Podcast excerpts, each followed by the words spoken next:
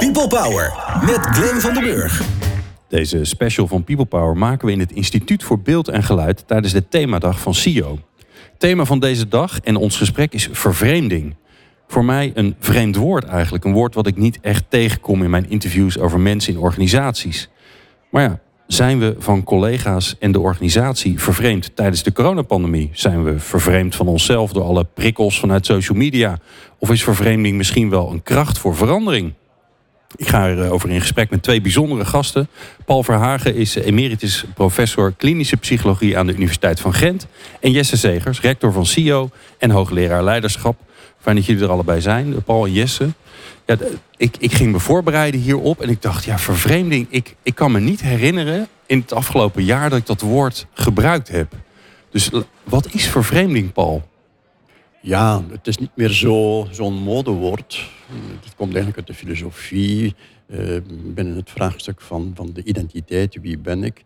En de vervreemding geeft dan de idee aan dat wie ik ben eigenlijk niet mijn echte identiteit zou zijn. Dat ik op een of andere manier uh, vervreemd ben van mijn ware, oorspronkelijke, uh, authentieke zelf. Ik maak er eventjes een karikatuur van, maar gedurende bepaalde periodes is dat als idee vrij sterk op de voorgrond getreden. Zoals ik al zei, we kennen dat nog nauwelijks, maar we kennen het eigenlijk wel, uh, alles keer terug. En dit vind je bijvoorbeeld terug in het uh, labeltje van het imposter syndroom. Het, het idee dat uh, iemand zegt van ja, maar goed, men denkt wel dat ik zo goed ben, dat ik al die dingen kan. Dat, maar dat klopt helemaal niet. Ik ben niet zo. Ik ben helemaal anders en eigenlijk veel minder goed dan men wel denkt. Ja, er komt een dag dat ik ont, ontmaskerd word. Dat ik door de bodem zak en ja. dat ik met pek en veren uit de deur gejaagd wordt, dat soort toestanden. Ja, oké. En het interessante is natuurlijk wel, als je ver, vervreemd bent van jezelf, ja, dan gaat het ervan uit dat er iets is wat. dat er, dat er een, een echte ik is, die ergens is, die je alleen nog niet zo goed kent. Daar heb je meteen het cruciale punt te pakken, want dat is inderdaad de onderliggende aanname dat er een oorspronkelijk echt uh, iemand zou zijn. Dat vind je al in filosofie bij, bij uh, mensen zoals Rousseau, bij Hegel. En uiteindelijk, denk ik, bij de figuur die het dichtst bij ons staat in de tijd en qua beschaving, uh, bij Karl Marx die ervan uitgaat dat de moderne werkomgeving, de mensen die moeten werken om hun brood te verdienen, dat is dan in zijn optiek de proletariërs, dat die entfremded zijn, vervreemd zijn van hun ware oorspronkelijke aard. Maar dan komt het heikele en zelfs heel gevaarlijke punt. Want één, die mensen die vervreemd zijn in de optiek van Marx beseffen het blijkbaar niet zelf. Twee, iemand anders moet het gaan vertellen.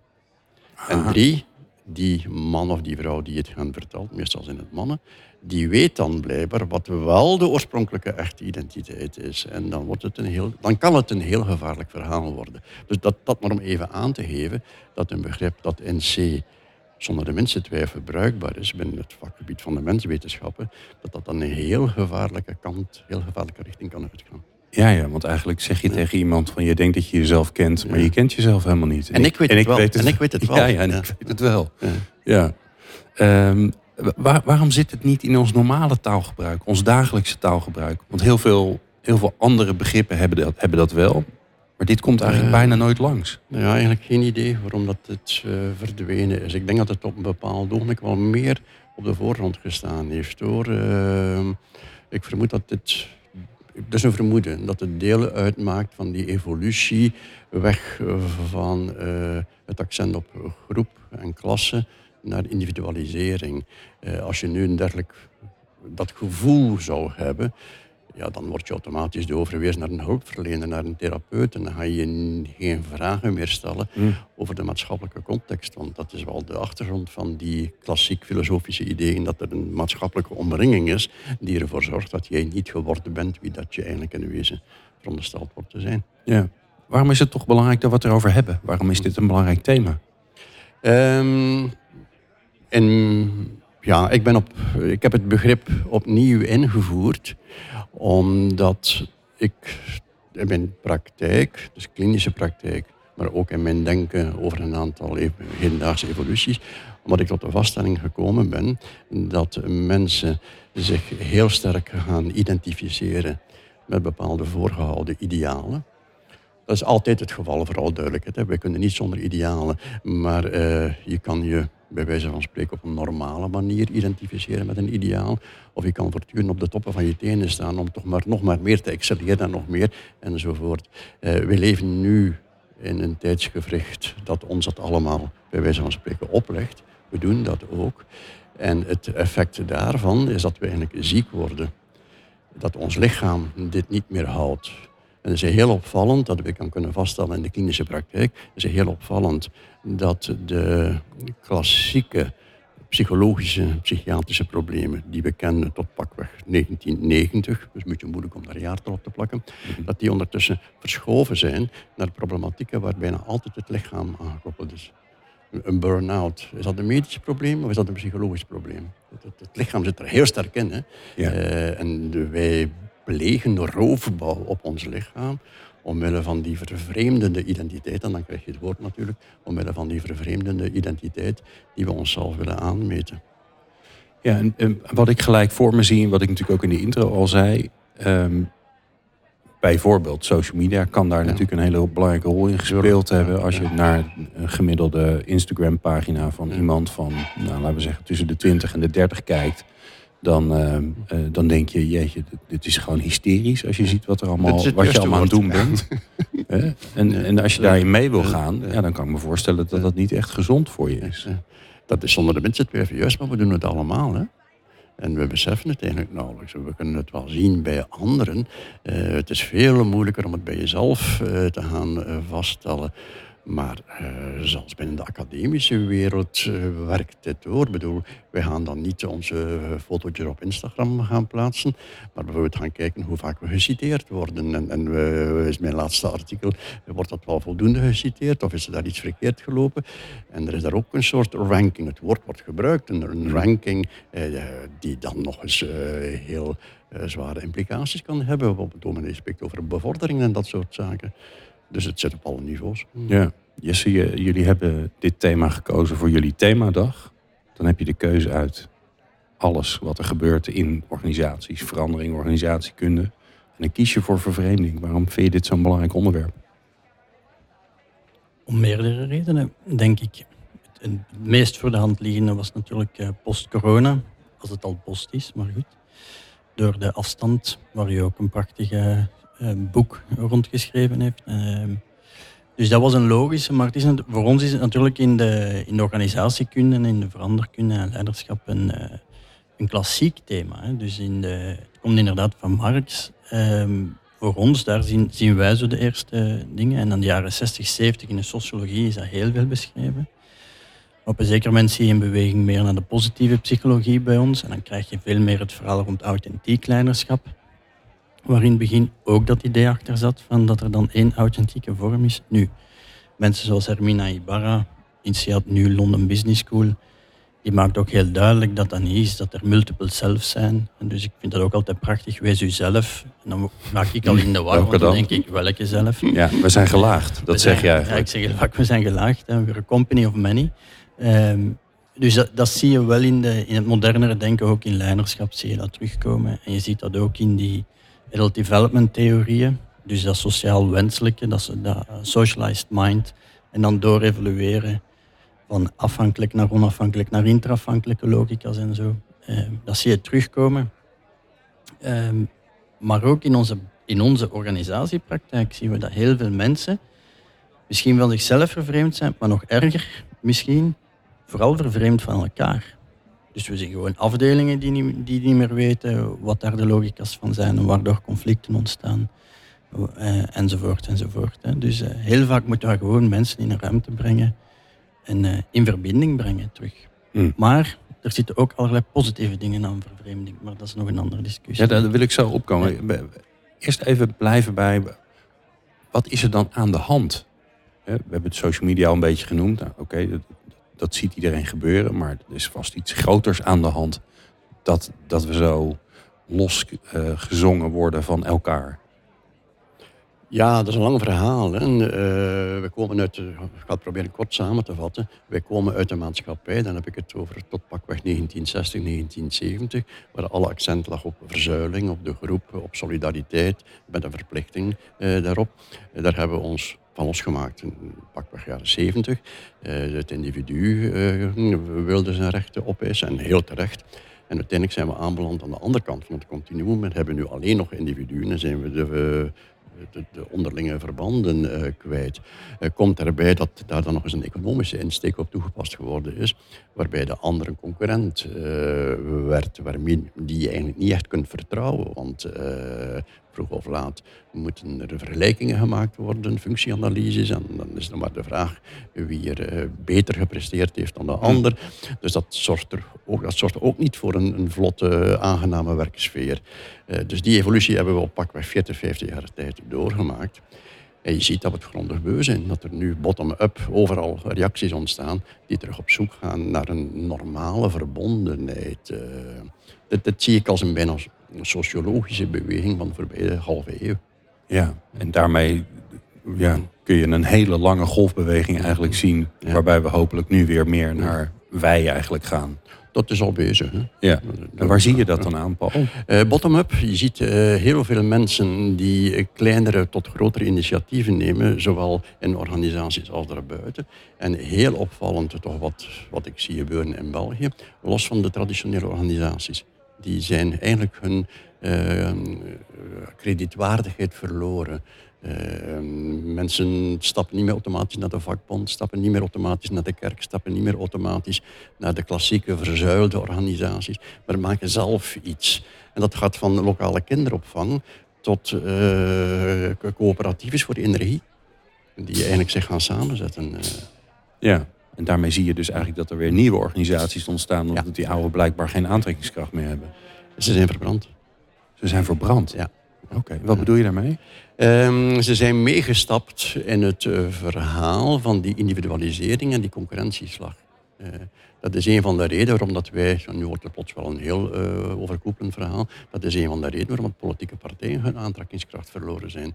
Vroeger hadden we politieke partijen die heel duidelijk voor een bepaalde ideologie stonden. Nu zijn ze allemaal grijs. Uh, en het resultaat is, zowel in Nederland als in België, dat we straks bij de volgende verkiezingen nog meer ultralinks en nog meer ultrarechtse stemmen zullen zien verschijnen. Hè? Ja, want die hebben kleur. Die hebben kleur. Ja. ja. Alright, laten we eens naar, uh, naar organisaties gaan. En laten we ook eens even gaan, want Jesse, jij kondigt hem al even aan. Wat, wat is het positief? Want vervreemding klinkt als iets wat je niet zou moeten willen. En jij zegt van ja, maar er zit ook kracht in. Tenminste in mijn visie. Uh, ik vind dat wel. We hebben ook nog een boek geschreven over het schone. En uh, als ik die 31 uh, of 32 hoofdstukken en 35 auteurs samenvatte, kwam er het in, in en nu doe ik er onrecht aan, eenvoudig op neer, dat het schone ontstaat wanneer je het vreemde ontmoet en in verbinding brengt met het bestaande. Maar dus die vervreemding, dus het uh, ontmoeten van iets dat vreemd is aan jezelf, dat niet in lijn is met je waardekader in dit geval, uh, is de eerste stap richting het schone. Maar je moet het dan wel kunnen verbinden natuurlijk. En de laatste is nu de moeilijkere beweging, maar het is bijna een noodzakelijke voorwaarde, wil er ook schoonheid kunnen ontstaan. Dus in dat opzicht denk ik, ja, je, kan je het ook omarmen. Kan je het ook als een, uh, als een soort thermodynamisch model zien. Van het zet nu net druk, het signaleert dat er verandering nodig is. Ik zeg altijd met mensen die burn-out tegenkomen of zwaar overspannen, heb jij geluk. Want nu heb jij de kans om uh, uit te zoeken wat dat je nu belangrijk vindt. En moet je zelfs niet eens cognitief niet meer nadenken. Je lichaam gaat je meehelpen uh, signaleren wanneer je grenzen overgaat. Dus je, zijn, je hebt straks een engelbewaarder meegekregen. Dus ik zie daar, dat is natuurlijk op het moment zelf vinden mensen dat niet zo'n goede boodschap. nee, dat weet ik ook wel. Maar achteraf snappen ze wel wat ik bedoeld heb. Ja, Paul, je, je, je zit heel instemmend uh, te knikken. Ja. Wat gebeurt er? Uh, goh, verandering gebeurt bijna altijd naar aanleiding van een crisis. Dat is een beetje een pijnlijke vaststelling, maar ik heb het eigenlijk nog niet veel anders gezien. Dus vervreemding kan ons op het punt van een crisis voeren. En, en dan ontstaan er mogelijkheden tot veranderingen. Eén ehm, kanttekening, maar ik neem aan dat uh, dat jij daar dezelfde ideeën over hebt, één kanttekening. Uh, we moeten natuurlijk erover waken dat op het ogenblik dat iemand in een dergelijke crisis terechtkomt, uh, omwille van het zich al te sterk geïdentificeerd te hebben met bepaalde ideaalbeelden, dat we hem niet nog eens een, een, hem of haar niet nog eens een bijkomende opdracht geven. Want uh, nu moet jij het dus op een andere manier gaan aanpakken en nu moet jij aan zelfzorg gaan doen en nu moet jij, want dat hoort dan nogmaals in het model waarbij alles dat zo sterk geïndividualiseerd is.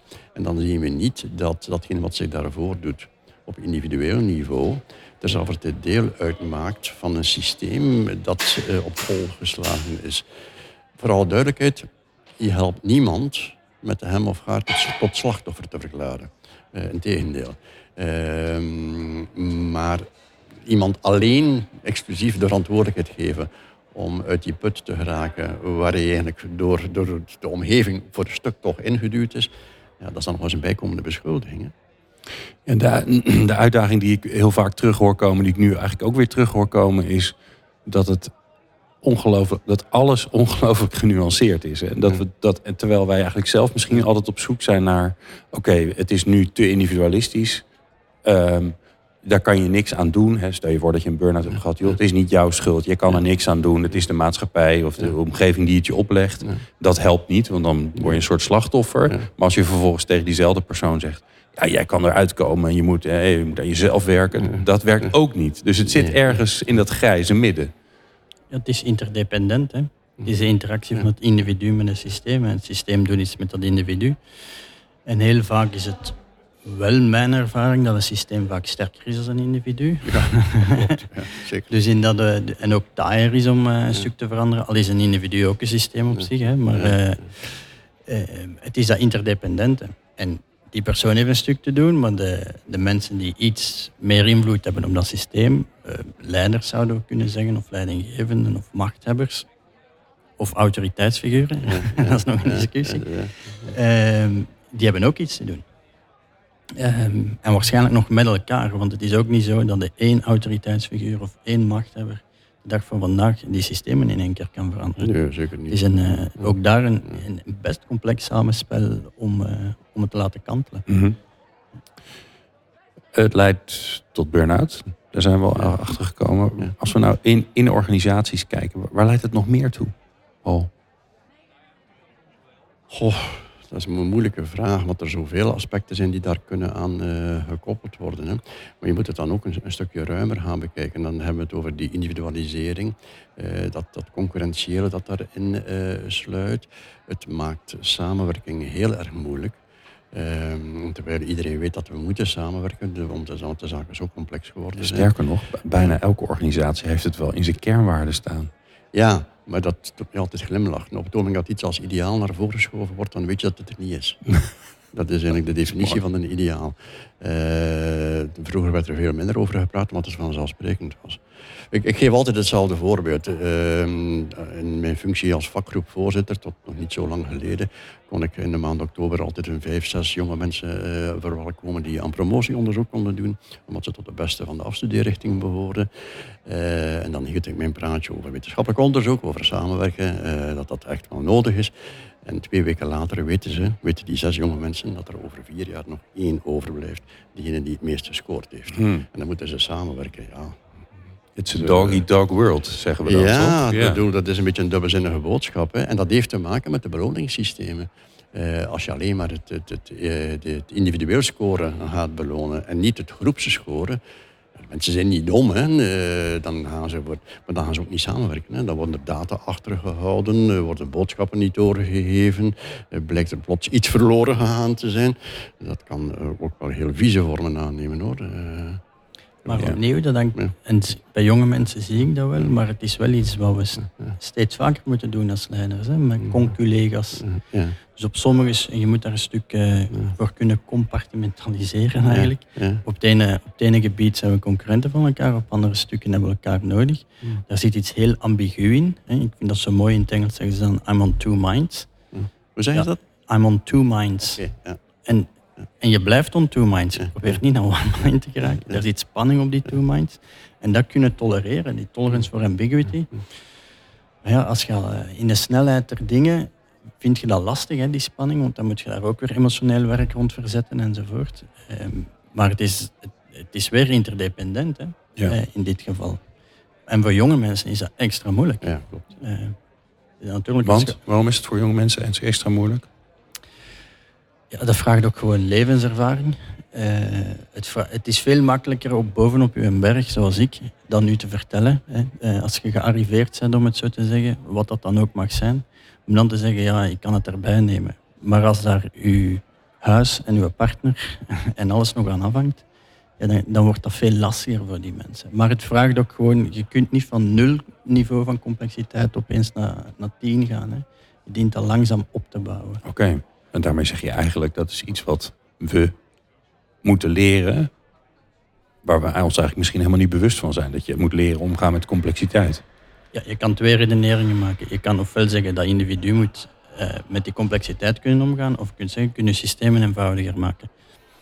Maar dat laatste, dat snap ik nog niet goed dat je dat moet doen. Dat eerste, dat snap ik nog een beetje.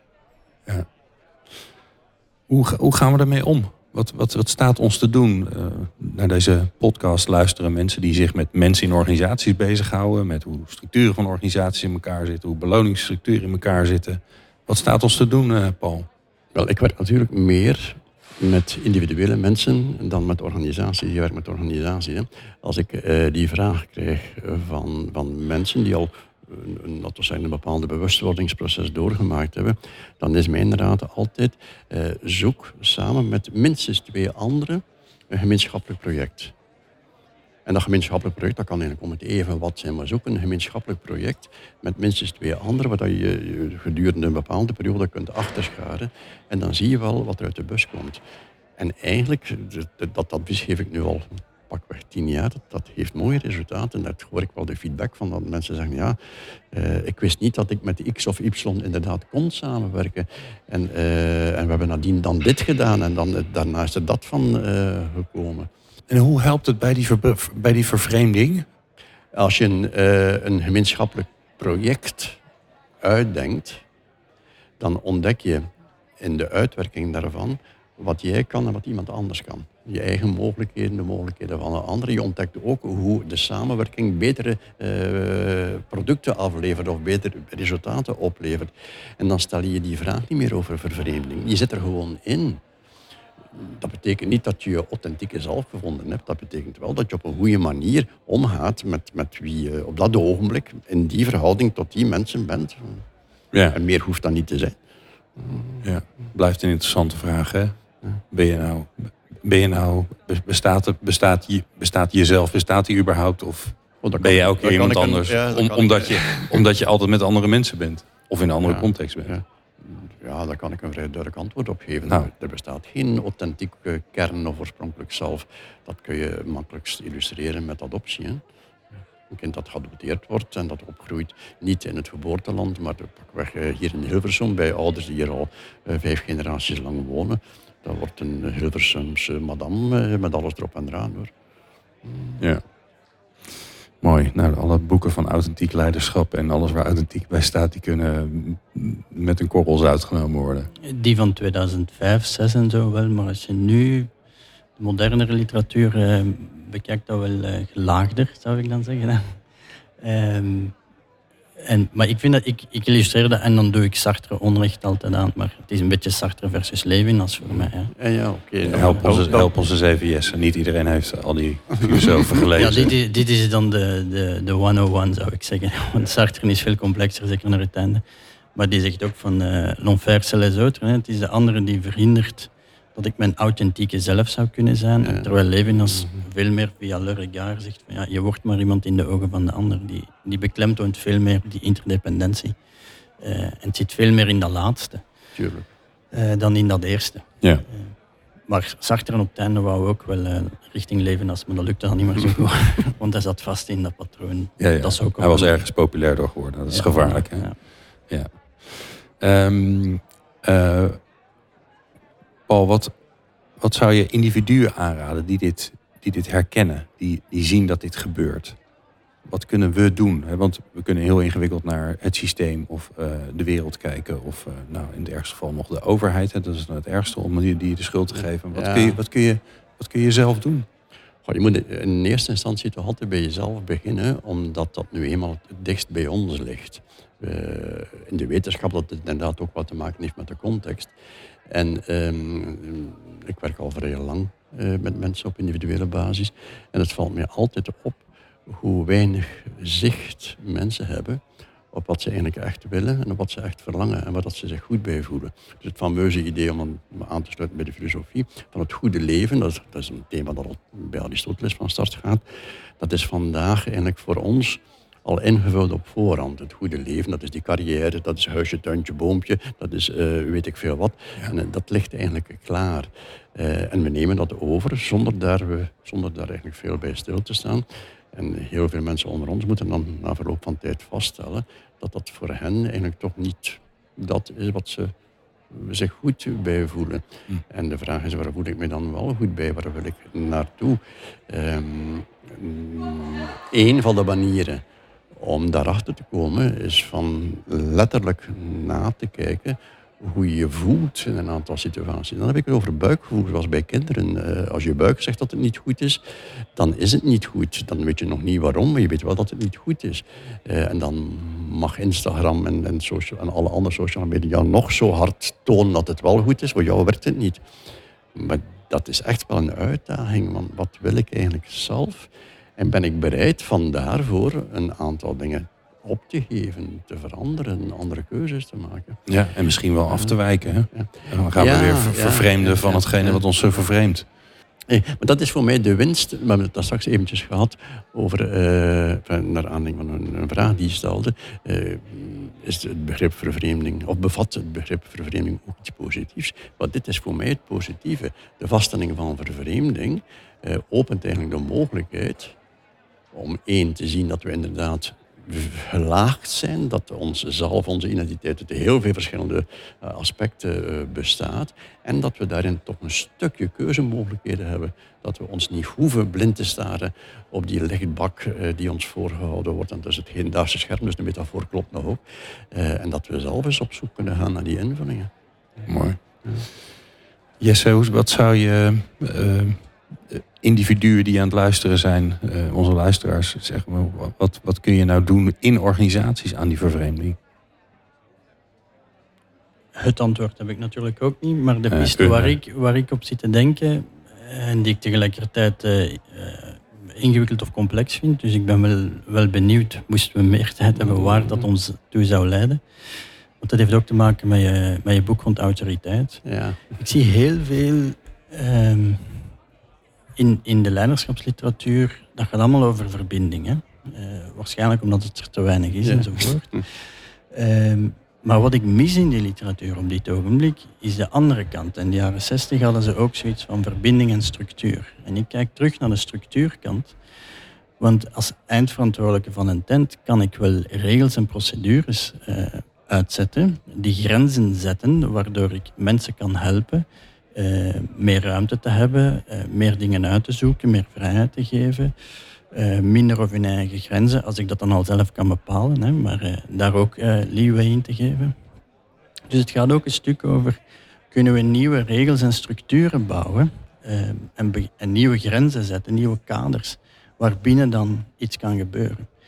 Maar hoe doe ik dat zonder in dat totalitaire te komen? Want mensen afvaarden dat steeds minder dat ik dat dan zou bepalen. Hè. Dus eh, dan doe ik het vanuit macht. Uh, maar dat is er ook wel in organisaties, zoiets als macht. En dan kun je zeggen, ja, moet je dan de verlichte despoot zijn en zo? Dat is ook iets ingewikkeld, zeker in deze tijden.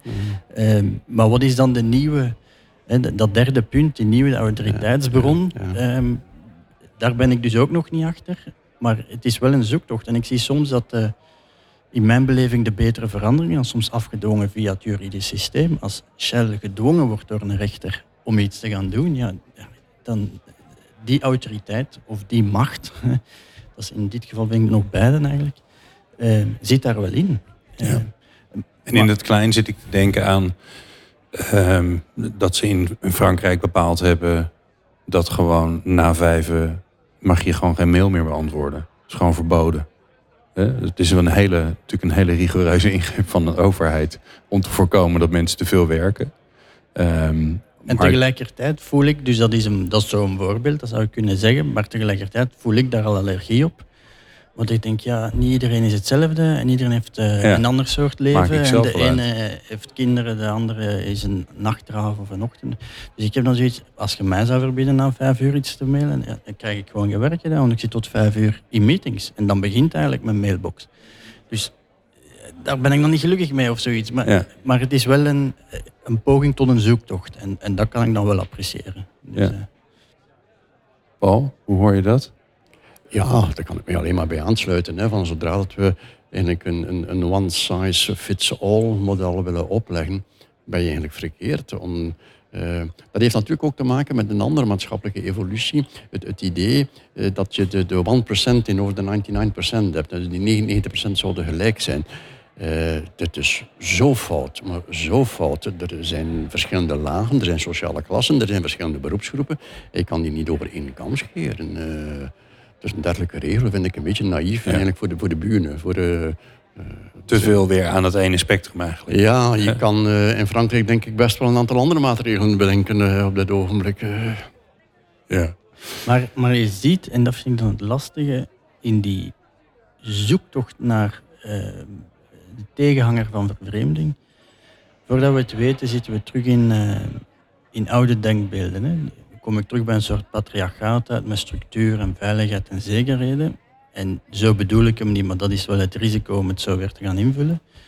Of we komen uit op de romantiek van we moeten meer connectie maken met de natuur en naar de kunst kijken en eh, eh, misschien zelfs het geloof erbij pakken enzovoort. Maar dan zitten we ook terug in de oude denkbeelden. Dus, en er zit iets in die oude denkbeelden dat een kern heeft, waar het wel rond te doen is, maar hoe, her, hoe, vinden, hoe kunnen we die eruit vinden anno 2022? Ja, en eigenlijk-? En eigenlijk hoor ik jullie dus zeggen, die vervreemding is een heel belangrijk signaal De- eh, om, in, om, om iets te gaan doen, eh, om iets te gaan bedenken. Maar pas op dat je niet teruggaat naar die oude denkbeelden. Ja. Want toen was het allemaal beter en Ja. toen hadden we het beter voor elkaar. Er, moet, er moeten nieuwe dingen gecreëerd worden. Maar ik denk dat het, is uitermate boeiend om te zien hoe bepaalde problemen zich vroeger al voorgedaan hebben. Hoe dat men toen bepaalde oplossingen uitgeprobeerd heeft en wat het resultaat daarvan was. Ik bedoel, eh, Hobbes, dat is de ene kant, Rousseau is de andere kant. Eh, de terugkeer naar de natuur, wat vanaf de jaren 70 zo mooi klonk, en ook de authenticiteit enzovoort. We mogen niet vergeten dat dat in China geleid heeft tot een grote sprong vooruit, waar een paar miljoen mensen op, in, op het platteland verhongerd zijn. Hè. Eh, Dat was ook een effect daarvan. enfin, dat is nu eventjes kort door de bocht, maar wie dat die geschiedenis kent, kan dat heel goed daarin plaatsen. Dus dat hoeven we echt niet te herhalen. Eh, nu, de geschiedenis herhaalt zich niet, ze stottert. En het is in, dat stotteren dat we toch wel een aantal dingen kunnen meepakken, denk ik. Mooi. Nou, kortom, ehm, meer filosofie lezen, ehm, meer ehm, samen nadenken.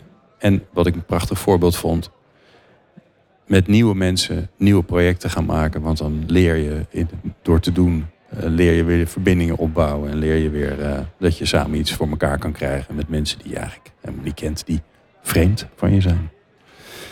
Ik dank jullie zeer. Eh, Jesse Segers, rector van het CIO en Paul Verhaag. eh, nog steeds eh, emeritus professor klinische psychologie aan de Universiteit van Gent. En jij natuurlijk, dankjewel voor het luisteren.